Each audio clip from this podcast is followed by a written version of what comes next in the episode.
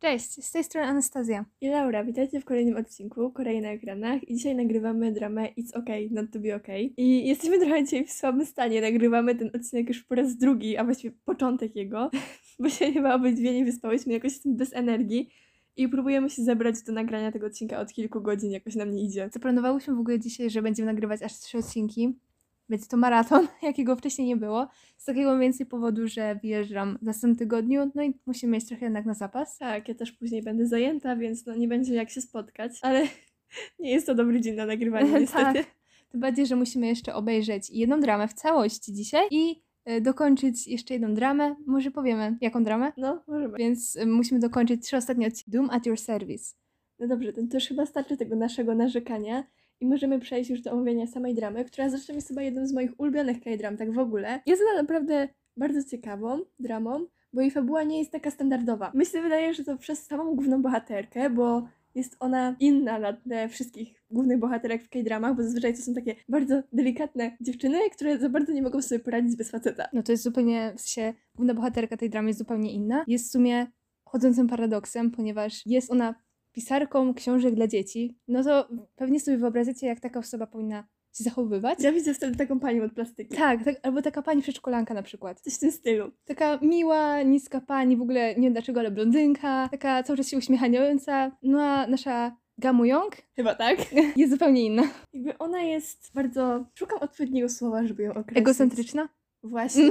Też jest narcystyczna, mi się wydaje trochę. Tak. I w ogóle mam wrażenie, że ona jest kryptomanką. I pewnie teraz wam się wydaje, że to jest najgorsza osoba na świecie. Nie, no nie jest najgorszą osobą na świecie, ale ona ma taki bardzo wyraźny charakter i jakby od pierwszych scen widać tylko ją. Tak, ona tutaj jest w centrum wszystkich zainteresowań. Nawet jej styl, jej sposób mówienia, no po prostu wszystko. Nawet mam wrażenie, że jej szef się jej boli. No? Boli. Boi. Przepraszam. Jej szef się jej boi. I Ale w sumie jakby- to ona jest jakby, wiecie, ten szef pracuje jakby dla niej, bo ona jakby stworzyła tą markę, a po prostu go zatrudniła. Więc w sumie to ona może go jakby zwolnić po prostu i stanie się bezrobotny. Ach. No i właśnie zestawienie z taką Muniong mamy Kangte, który jest zupełnym przeciwieństwem jej. On jest dosyć cichy i też jest bardzo nastawiony na innych ludzi. On bardzo pomaga innym ludziom, w ogóle też jego praca, on jest pielęgniarzem Tak, w w szpitalach dla jakby, no dla niepełnosprawnych, w hospicjach, tego to jest typu chyba rzeczach. e, w szpitalach psychiatrycznych. Nie, właśnie jego pierwsza praca chyba właśnie była w takim szpitalu, gdzie pomagało niepełnosprawnym po prostu. No ogólnie ludziom chorym. Jest, no. W szpitalu psychiatrycznym też później będzie pracował i ogólnie ten szpital psychiatryczny jest, mi się wydaje, bardzo ciekawym wątkiem w tej dramie i to nie jest taki typowy szpital psychiatryczny, bo on jest dość wesoły. Mogę tak Wesoły nazwać? szpital psychiatryczny. Tak, no bo mimo, że... Nie ma tam ciężkiej atmosfery. Tak, mimo że ludzie tam mają problemy różnego rodzaju, no to jednak oni są taką bardzo ciekawą, zgraną społecznością. W sumie tak jakby nowo znaleziona rodzinka trochę. Tak, tak coś w tym stylu. I ogólnie to mi się wydaje, że to też przez dyrektora tego szpitala, który też jest bardzo fajną Tak, jest postacią. bardzo ciepłą osobą. Ci opiekunowie zwłaszcza tam są tacy mili. Tak, nie taka typowa pielęgniarka, tylko tacy mieli ludzie, którzy są bardzo empatyczni. Trochę inaczej niż jakby można sobie pomyśleć, że motyw szpitala psychiatrycznego zazwyczaj kojarzy mi się z takim chłodnym miejscem, Mi się kojarzą z różnymi... bezpieczeństwa. Właśnie, z jakimiś takimi na przykład horrorami, które się dzieją na przykład w opuszczonych psychiatrykach, a tutaj mamy zupełnie inny obraz. Ale może wróćmy jeszcze do samego głównego bohatera, bo on ma brata, Tak, który jest... Sankte. Tak, on jest, on choruje na autyzm i właśnie główny bohater musi się nim opiekować, dlatego co roku przeprowadzają się w inne miejsce. To nie jest spoiler, ponieważ to jest jakby w pierwszym odcinku już powiedziane, więc spokojnie. E, Tak, i to dotyczy po prostu pewnej traumy z przeszłości Sankte. Może w no, sumie ich obu. no tak, ale Sankte bardziej pokazuje, wykazuje jakby skutki tej traumy. I on właśnie, może chyba powiedzieć, że się boi po prostu motyli, gdy widzi motyle, czyli praktycznie każdej wiosny, każe się przeprowadzać. Tutaj główny bohater też ma tą traumę, ale mam wrażenie, że on ją dużo lepiej ukrywa. Tak, bo on od dzieciństwa miał obowiązek ob- jakby zajmować się swoim bratem, więc po prostu wypełnia ten obowiązek dalej. Oni mają też dość ciekawego przyjaciela. On po prostu z nimi jeździ chyba, mam wrażenie, Tak. wszędzie i otwiera tam restaurację z kurczakiem. Ale nawet nie wiem, czy on wcześniej nie otwierał jakichś innych restauracji, a później, gdy się przeprowadzili do miejsca, w którym się rozgrywa akcja, to chyba właśnie otworzył tą restaurację z kurczakiem, bo coś tak czuł, że to miejsce będzie bardziej na Nie, dłużej. on On, właśnie cały czas z nimi jeździ i w sumie jest bardzo lojalny. Głównie dla Kangte, bo to jego jest przyjacielem. No, oni chyba się przyjaźnią od liceum czy coś takiego, Mhm. nie jestem pewna. Chyba od Ale- momentu, gdy oni się w ogóle zaczęli przeprowadzać. ale widać, że są ze sobą blisko i ta relacja jest bardzo fajna, bardzo fajnie przedstawiona. Co do takich przyjaźni, to chyba tyle tutaj jest. No mi się wydaje, że później też fajna jest relacja jakby głównej bohaterki z bratem głównego bohatera. To jest ciekawe do Mhm. oglądania. Jest bardzo wiele scen komediowych dzięki temu. To jeszcze jest w późniejszych odcinkach. Tak, ale jeszcze chyba od początku mamy nie do końca przyjaźń właśnie między Muyong, Moon-young oraz jej szefem. No to jest taka jakby współpraca, ale bardziej w No, kierunku przyjaźni. Oni się zachowują bardziej jak przyjaciele, ale Mhm. jednocześnie oni ze sobą pracują. I w sumie to nie są tacy przyjaciele, przyjaciele że o, trzymamy sztamę, jemy Mhm. razem obiad i nie wiem, no bawimy się czy coś. Tylko to jest taka inny rodzaj przyjaźni, po prostu A bardzo ten- specyficzny. Ten szef się o nią martwi, a ona od niego tak, no nie do końca. Ona sobie jedzie do No w sumie ona wcześniej nikim się nie przejmowała. Nikim jakby się nie opiekowała. Nawet początek relacji z głównym bohaterem, ona się za bardzo nim nie przejmowała, ona po prostu go chciała. Ona, kiedy zobaczyła głównego bohatera, stwierdziła, że chce go mieć. I Bo tak. najwyraźniej się spodobał chłopak, no cóż. Nawet, Miał pecha. nawet były takie sceny, gdzie ona jakby swoją rękę wyciąga ku niemu i by chciała go złapać, tak dosłownie. Nie można powiedzieć, że ona się w nim zakochała od pierwszego wejrzenia, bo Nie. to nie była miłość, ona po prostu go chciała. Ona chciała go posiadać. No, dosłownie. Jak rzecz, chciała go postawić u siebie w salonie i żeby stał. Ogólnie bardzo fajnie ogląda się dramę i przygląda się jakby relacji głównych bohaterów, tego jak ona się zmienia, jak zmienia się ich nastawienie do siebie nawzajem i właściwie do samych siebie też. I do Bo- całego świata tak naprawdę. No jakby oni nawzajem siebie leczą, można tak to Tak. powiedzieć. Dzięki tej miłości oni nie też, że naprawiają, co po prostu akceptują swoje jakby błędy i akceptują samych siebie, przez to trochę się zmieniają ich charaktery. Tak, no jakby ta relacja, chociaż na początku jest bardzo toksyczna, ona się bardzo ciekawie toczy i rozwija i ogólnie mamy też dodatkowo jeszcze jakby wątki ze szpitala psychiatrycznego, więc Tak, różne historie. też jest dużo fajnych, ciekawych historii. Ta drama naprawdę porusza wiele wątków, jakby wiele trudnych wątków. No, ogólnie tą dramę bardzo przyjemnie się ogląda i mimo, że ona ma taki trochę cięższy przekaz, nie jakoś bardzo ciężkie, ale cięższy, to też są takie elementy rozluźnienia często. Pojawiają się jakieś sceny komediowe, nie jest ich dużo, ale pojawiają się. No jednak to jest opisane jako dramat, ale no są te elementy komediowe, nawet często. Tak, no jak to nie jest taki typowo ciężki klimat, jak znajdziemy na przykład w kryminałach. No na pewno to nie jest ciężki, ciemny klimat typu na przykład Flower of Evil czy Vincenzo. Mi się wydaje, że to jest coś pomiędzy po prostu. Mhm. I dlatego ciężko jest to określić. Dobrze, myślę, że teraz już możemy przejść po prostu do strony technicznej. I ogólnie chciałam poruszyć soundtrack, bo jedna z tych Tak. piosenek, ja jestem od niej po prostu uzależniona. Mam ją na chyba wszystkich smutnych playlistach. Ja mam wszystkie piosenki z soundtracku gdzieś na różnych playlistach, bo są po prostu przepiękne. Jaka jest ta twoja ulubiona piosenka? In the Silence? Ja najbardziej lubię Psycho. Ona też jest bardzo fajna. Tak. I one nie dość, że bardzo dobrze pasowały do tej dramy, to po prostu bardzo dobrze też się je słucha tak poza dramą. Tak, po prostu osobno. I jak... moja siostra też oglądała tę dramę, chociaż ona ogląda bardzo mało dram. I też podobał jej się strasznie soundtrack. Mimo, że nie słucha w ogóle jakby takich produkcji, też szukała go specjalnie i też go słucha. Czasem nawet słyszę, bo mieszka w pokoju obok, więc A nawet czasami jak się ogląda dramę, to nie zwraca się uwagi na to, co tam leci w tle. A tutaj za każdym razem słyszałam, że jest ta piosenka albo tamta piosenka. tak, ja po prostu uwielbiam ten soundtrack. Tak. I tak samo bardzo uwielbiam wystrój w tej dramie. Szczególnie dom głównej bohaterki, właściwie to jest pałac, To jest zamek. I jeszcze taki w stylu nawiedzonym. ale on jest piękny po prostu. Tak. I ogólnie te wystroje wnętrz były tam całkiem spoko zrobione, jakby wszystko do siebie bardzo ładnie pasowało, scenografia była dobrze dobrana i też stroje.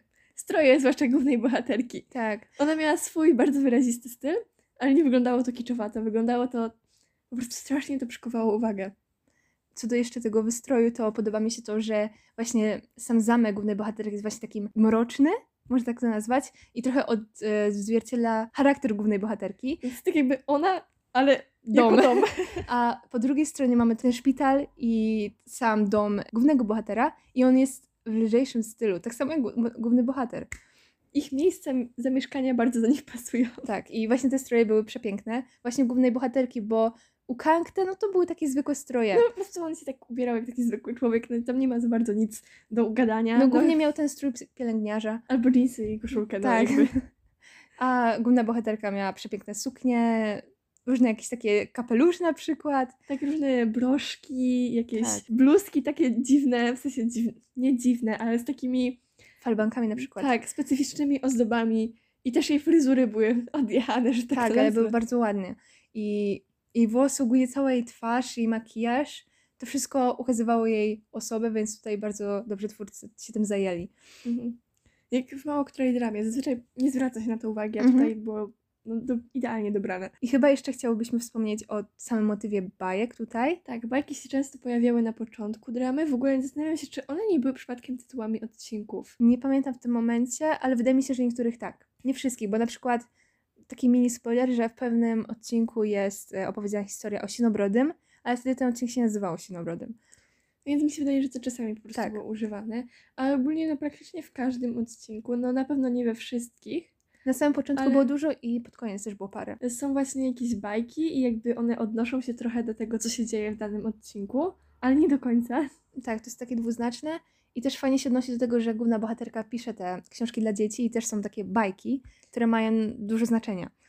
Tak, zresztą te jej bajki są czytane, chyba dwie, na pewno dwie, i one też mają taki dość silny przekaz. Mhm. I mi się wydaje, że są naprawdę.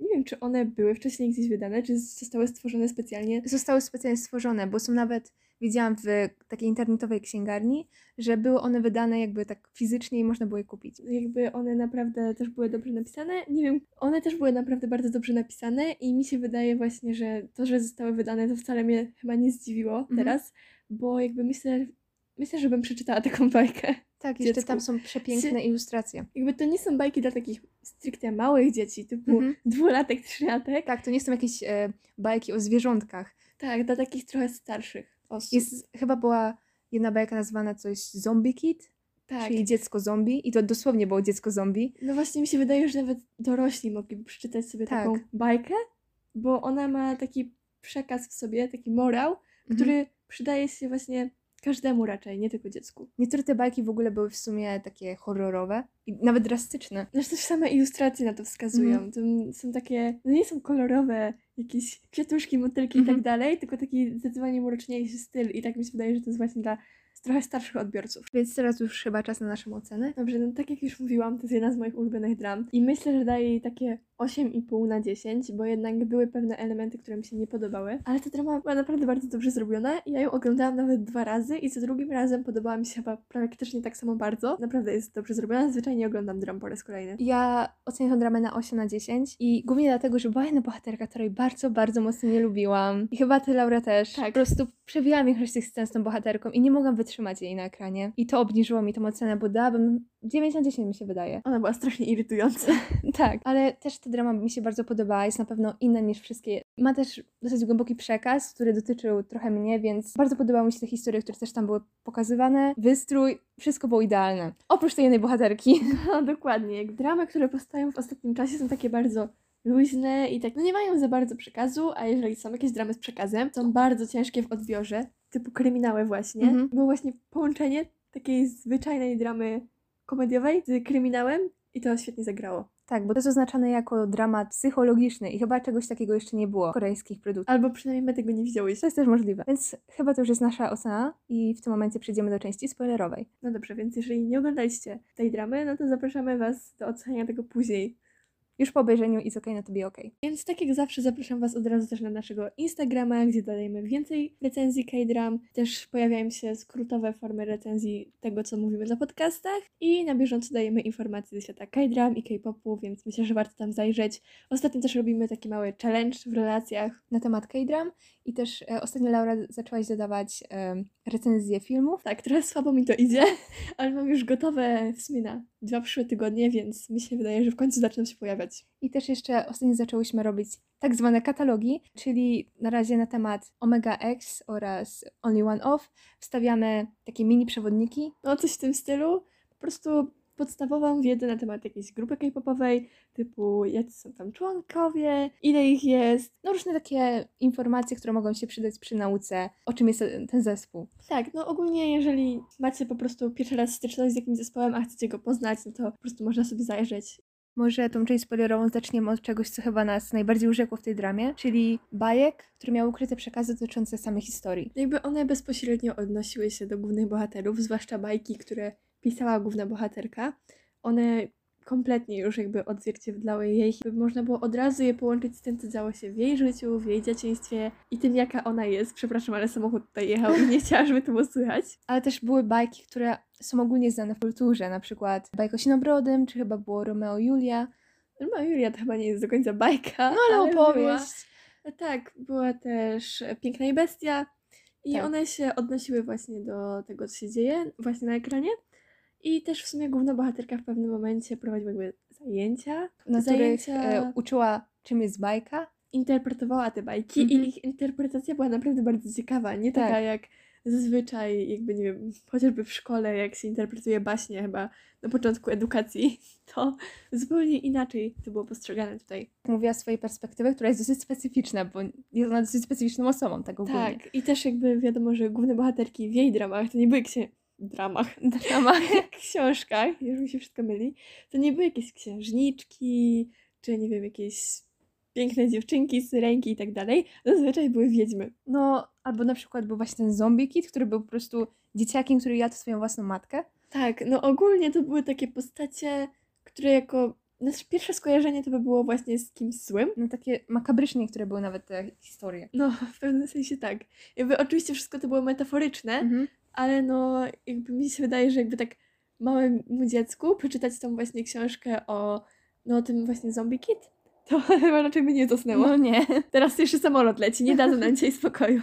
Nagrywamy dzisiaj u mnie w domu, więc jesteśmy w środku miasta, musicie nam wybaczyć. Dobrze, więc wróćmy już może do samego tematu. No może do szpitala psychiatrycznego, bo w sumie te zajęcia odbywają się właśnie w nim. Jak już zaczęłyśmy od tego, co nas w tej dramie urzekło, to muszę powiedzieć o tym, co mnie najbardziej irytowało, czyli bohaterka imieniem Yuri. Po prostu nie mogłam. Przedstawialiśmy jakiegoś przestępcę. Ona była widać bardzo wyraźnie, to było widać, że była zakochana w głównym bohaterze. Ona była niepotrzebna. Od tego zacznijmy. Tak. Ona, wszystkie sceny były o tyle niepotrzebne, że pod koniec tej dramy cały czas jej przewijam i wiem wszystko o fabule i Ona nic nie ominęłam. Wynajęła mu mieszkanie, a właściwie strych chyba. No wynajęła miejsce w jej domu, które tak naprawdę należy do jej matki, więc No coś no, coś tam zrobiła. Tak, zrobiła to głównie dlatego, że no była zakochana. I tyle w sumie.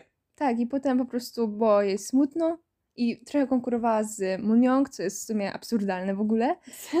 Ta konkurencja. Po czym Yuri zakochała się w tym szefie. To jest jej cały wkład w tą dramę tak naprawdę. No to byłaż być. Bo jakby mamy Munią, która jest bardzo wyrazistą bohaterką, która zajmuje dla siebie cały ten ekran i nagle przychodzi taka Yuri, która jest pielęgniarką i w sumie nic nie wnosi. Tak, i gdyby jeszcze może główny bohater coś tam do niej czuł, Tak. ale on do niej nie Gdyby to był jakiś trójkącik miłosny, coś tu by się działo, ale on nigdy nie myślał o niej jako o osobie, z którą mógłby być. Tak, no jakby główna bohaterka też nie była za bardzo o nim zazdrosna, w sensie ona ogólnie była zazdrosna Tak. o wszystkich.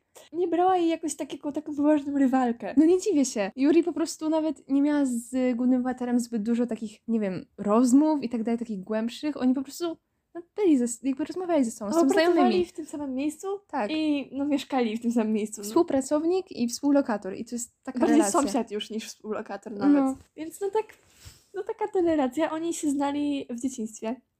W szkole, tak. Tak, i chyba główna bohaterka była przyjaciółką Yuri w szkole. Tak, było coś. Ale chyba wtedy Yuri zostawiła główną bohaterkę, odeszła i nie pamiętam, coś takiego było. C- Coś tam się zadziało między nimi. W każdym razie to było w ich dzieciństwie, takim Mhm. wczesnym dzieciństwie, bo trzeba podkreślić, że oni wcześniej też już mieszkali w tym mieście, w tym samym Tak. miejscu, wszyscy. I znali się jako dzieci, ale no nie, nie tyle, żeby nie wiem, jakoś bardzo się przyjaźnić czy coś tak dalej. Chociaż w sumie nie, główny bohater był wtedy w niej zakochany. No tak, no w ale to sensie... była taka niewinna, dziecięca miłość, no. No tak. No wiecie, jak to w podstawówce. Ale no po prostu chodzi do tej samej szkoły, znali się. No i to w sumie tyle. Yuri de facto nie wprowadza zbyt dużo tej dramy. I irytowało mnie to, że dostawała dosyć dużo mm, czasu ekranowego. No i jakby potem ona jeszcze sobie nagle uświadomiła, że w sumie kocha tego szefa i o matko, co teraz? On chyba poszedł na jakąś randkę w ciemno, on tak bardzo Tak. przeżywała. No ona rozmyślała nad nimi i po prostu musieliśmy to oglądać i nie wiem, może komuś się to podobało, ale mnie totalnie nie. Mnie już bardziej podobała się ta bohaterka, która była asystentką tego szefa. A, pamiętam ją, tak. No, ona, Ona była fajna. ona była po prostu okej, ona wprowadzała wątki komediowe, była sobie, nikomu nie przeszkadzała. Tak, nie zabiera czasu ekranowego.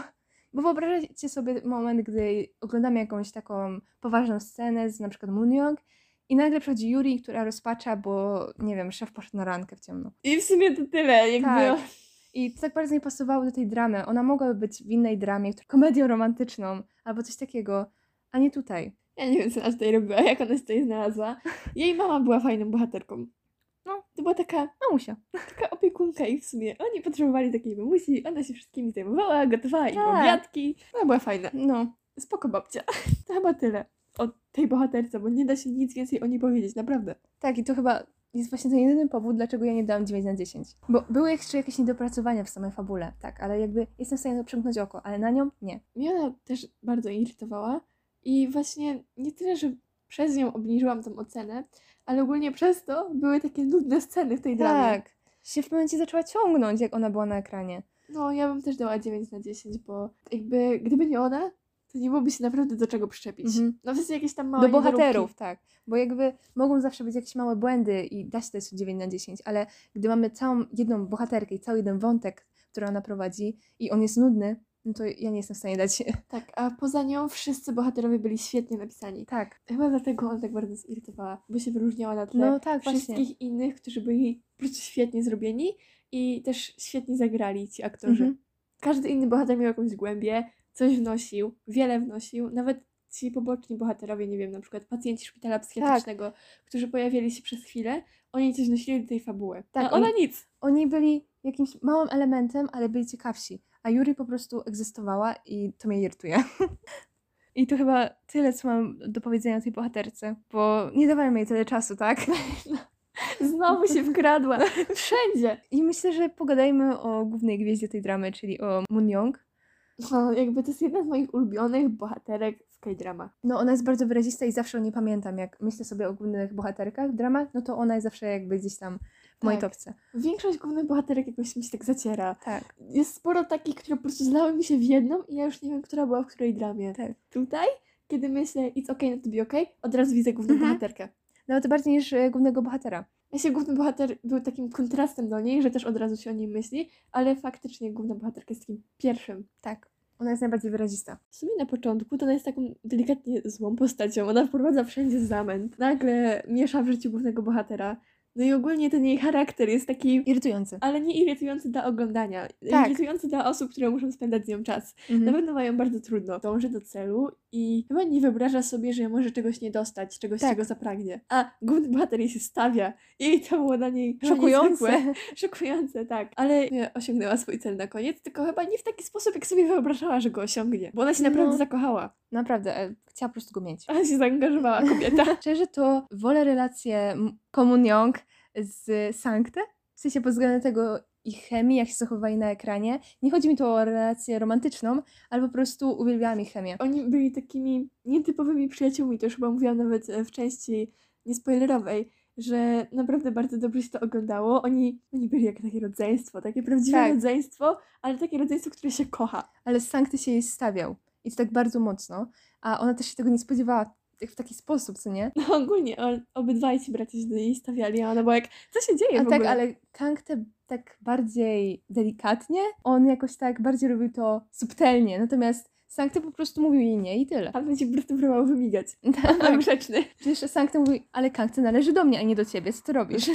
A w ogóle to była taka bitwa głównego bohatera i właściwie też bitwa o małą laleczkę. I w sumie To Mangte chyba. Manktę. I mam wrażenie, że to była taka po prostu metafora, co się dzieje z bitwą o tego głównego bohatera. Ale bardzo mi się podobało to, że na początku było Kangte należy do Sankte, potem było, że Kangte należy do Munyoung, a potem było, że Kangte należy do Kangte. I to było takie ładne. On chyba sam to powiedział, że Kang Tak. należy do Kang. Chociaż nie wiem, czy Sankte mu tego nie powiedział też. Chyba tak. I on w końcu nie należał do nikogo, tylko należał do siebie. I to było jakby piękna przemiana, bo na początku zajmował się każdym innym, tylko nie sobą, a na koniec w końcu postawił siebie na pierwszym miejscu. Tak, bo on też jakby miał wyrzuty sumienia i twierdził, że jakby nie należy mu się szczęście i nie powinien poświęcać czasu dla samego siebie, tylko właśnie poświęcał się cały czas dla brata, te ciągłe przeprowadzki. Mm. Ogólnie nie wychodził na przykład na miasto z przyjaciółmi, mimo że miał jednego przyjaciela, no to w sumie z nim, ale tak ogólnie No w sumie to nie miał zbyt dużo przyjaciół, zacznijmy od tego. Po prostu się odizolował od wszystkich, bo wiedział, że musi się przeprowadzać co chwilę, więc nie ma sensu w sumie. nie miał jakiegoś życia za bardzo poza właśnie opieką nad swoim bratem. Mhm. Wszystko poświęcał jemu. W sumie przez niego też poznał główną bohaterkę, bo o, jego brat czytał jej książki i chyba Mm, tak, praktycznie że zmusił go do, do tego, żeby poszli na jakieś spotkanie dla fanów, czy coś tak, w stylu. jakiejś chyba galerii handlowej i doszło do ogromnego zamieszania, ale chyba już wcześniej sam Kang też spotkał się z Mungayong. W szpitalu psychiatrycznym.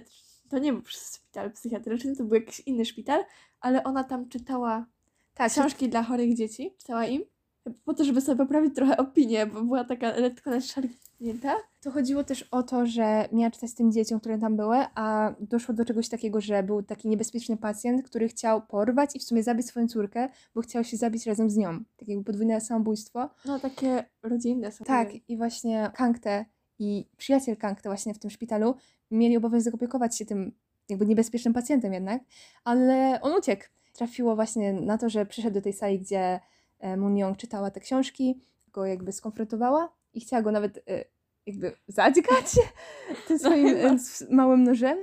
Tak, ona nie bała się go na pewno. Nie wiem, czy chciała go zadźgać, na pewno chciała go ranić, albo przynajmniej odstraszyć. Tak, Chociaż w sumie z nią to nigdy nic nie wiadomo. bo on ją zaczął chyba dusić i ona jakby Ona się broniła. Tak. I wtedy też przyszedł Kangte i wtedy ona wbiła mu ten nożyk w rękę. I to była ta pierwsza rana, którą e, mu zadała. Później chyba była jeszcze bardzo podobna scena. Tak. Też właśnie przycięciem gdzieś chyba na dłoni. Tak. Zostawiła mu taką dosłowną bliznę. No po prostu zaczęli być ze sobą i tak naprawdę te rany, które mieli wcześniej, po prostu nawzajem sobie uleczali. Można tak to powiedzieć. Przeprowadzili sobie taką terapię. I cała trójka w sumie się uleczyła. Bo przecież Sankten na końcu jednak się usamodzielnił. No tak, on stwierdził, że i jedzie sobie papa. Tak. I to też było bardzo ładne, takie, że on odszedł w końcu od Kangty, jakby uwolnił go, ale też to nie było tak, że on robi z siebie jakąś ofiarę, że musi teraz odejść, tylko on był pewny siebie i że będzie tym ilustratorem. Tak, Tak. no że już sam sobie poradzi, bo jest starszym bratem. Ogólnie to było urocze, jak on przez cały czas mówił, że jest starszym Tak. bratem, więc musi dawać mu pieniądze na przykład, albo nie wiem, jakby On musi nadawać mu ogólnie przykład dobrej postawy, tak? tak, bo on jest starszy. A więc to było takie urocze, bo tak naprawdę ten główny bohater się nim zajmował, ale on tak się poczuwał do tej roli starszego brata. Tak, i jeszcze Kang temu na to pozwalał i to, to było urocze. No, naprawdę to było słodkie. Chciałam jeszcze powiedzieć o tym, że oni w sumie, główny bohater i główna bohaterka, ukrywali na początku swoją relację romantyczną przed jego bratem. A, tak. To było dosyć niemiłe w stosunku do Sankty, no ale wiadomo było, jak Sankty zareaguje. W sumie główna bohaterka nie chciała się z tym kryć. W sumie dzięki temu szantażowała głównego bohatera nawet. Ogólnie Sankty był taką... Na początku był w sumie blokadą dla ich relacji, takim murem, ale później w sumie ta ich trójka bardzo dobrze ze sobą nie też współpracowała, co po prostu mieli bardzo ładną relację. Byli rodziną, taką tak. prawdziwą rodziną. Chciałam jeszcze powiedzieć o tym, że faktycznie dla głównego bohatera musiało to być ciężkie opiekować się nim przez, w sensie swoim bratem przez wiele lat jako autystyczną. Na No przykład jednak on go bił przecież, w sensie Sanktę bił Kangtę i on się nie bronił. kiedyś się obronił, No. bo oddał. I to był wielki szok. Tak, i to był dramat cały. Tak, i on też w pewnym momencie wybuchł. To była bardzo smutna scena w jednym z odcinków. Jak mówił, że jego brat chciał go zabić. Tak. I wtedy w sumie obydwoje pękli. To był taki moment w ich relacji i ogólnie w dążeniu do samoakceptacji głównych bohaterów też. Ale to było strasznie dla mnie frustrujące, że Sankte mówił, że jakby Kangte chciał go zabić, a de facto to on zostawił go na śmierć. Tak, to było takie frustrujące i smutne jednocześnie. To była jedna ze smutniejszych scen w całej tej dramie, mi się wydaje. Mhm. Później jeszcze była taka, kiedy okazało się, że matka głównej bohaterki zabiła matkę głównego bohatera i jego brata. Też było smutne. Na początku byłam, że ten motyw w sumie znów się powtarza, bo to już było w kilku dramach. I pewnie się okaże, że jednak nie, czy coś takiego.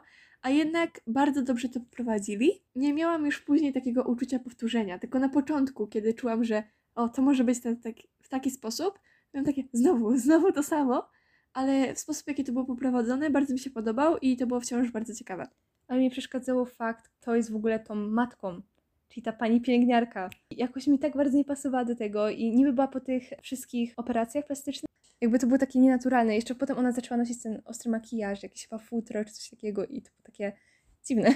To był jej prawdziwy styl. Ona po prostu ukrywała się jako ta pielęgniarka przez wiele lat, chyba po to, żeby być blisko swojego męża i go dręczyć, bo ona go nie kochała. Ona nie Mhm. była tam z miłości.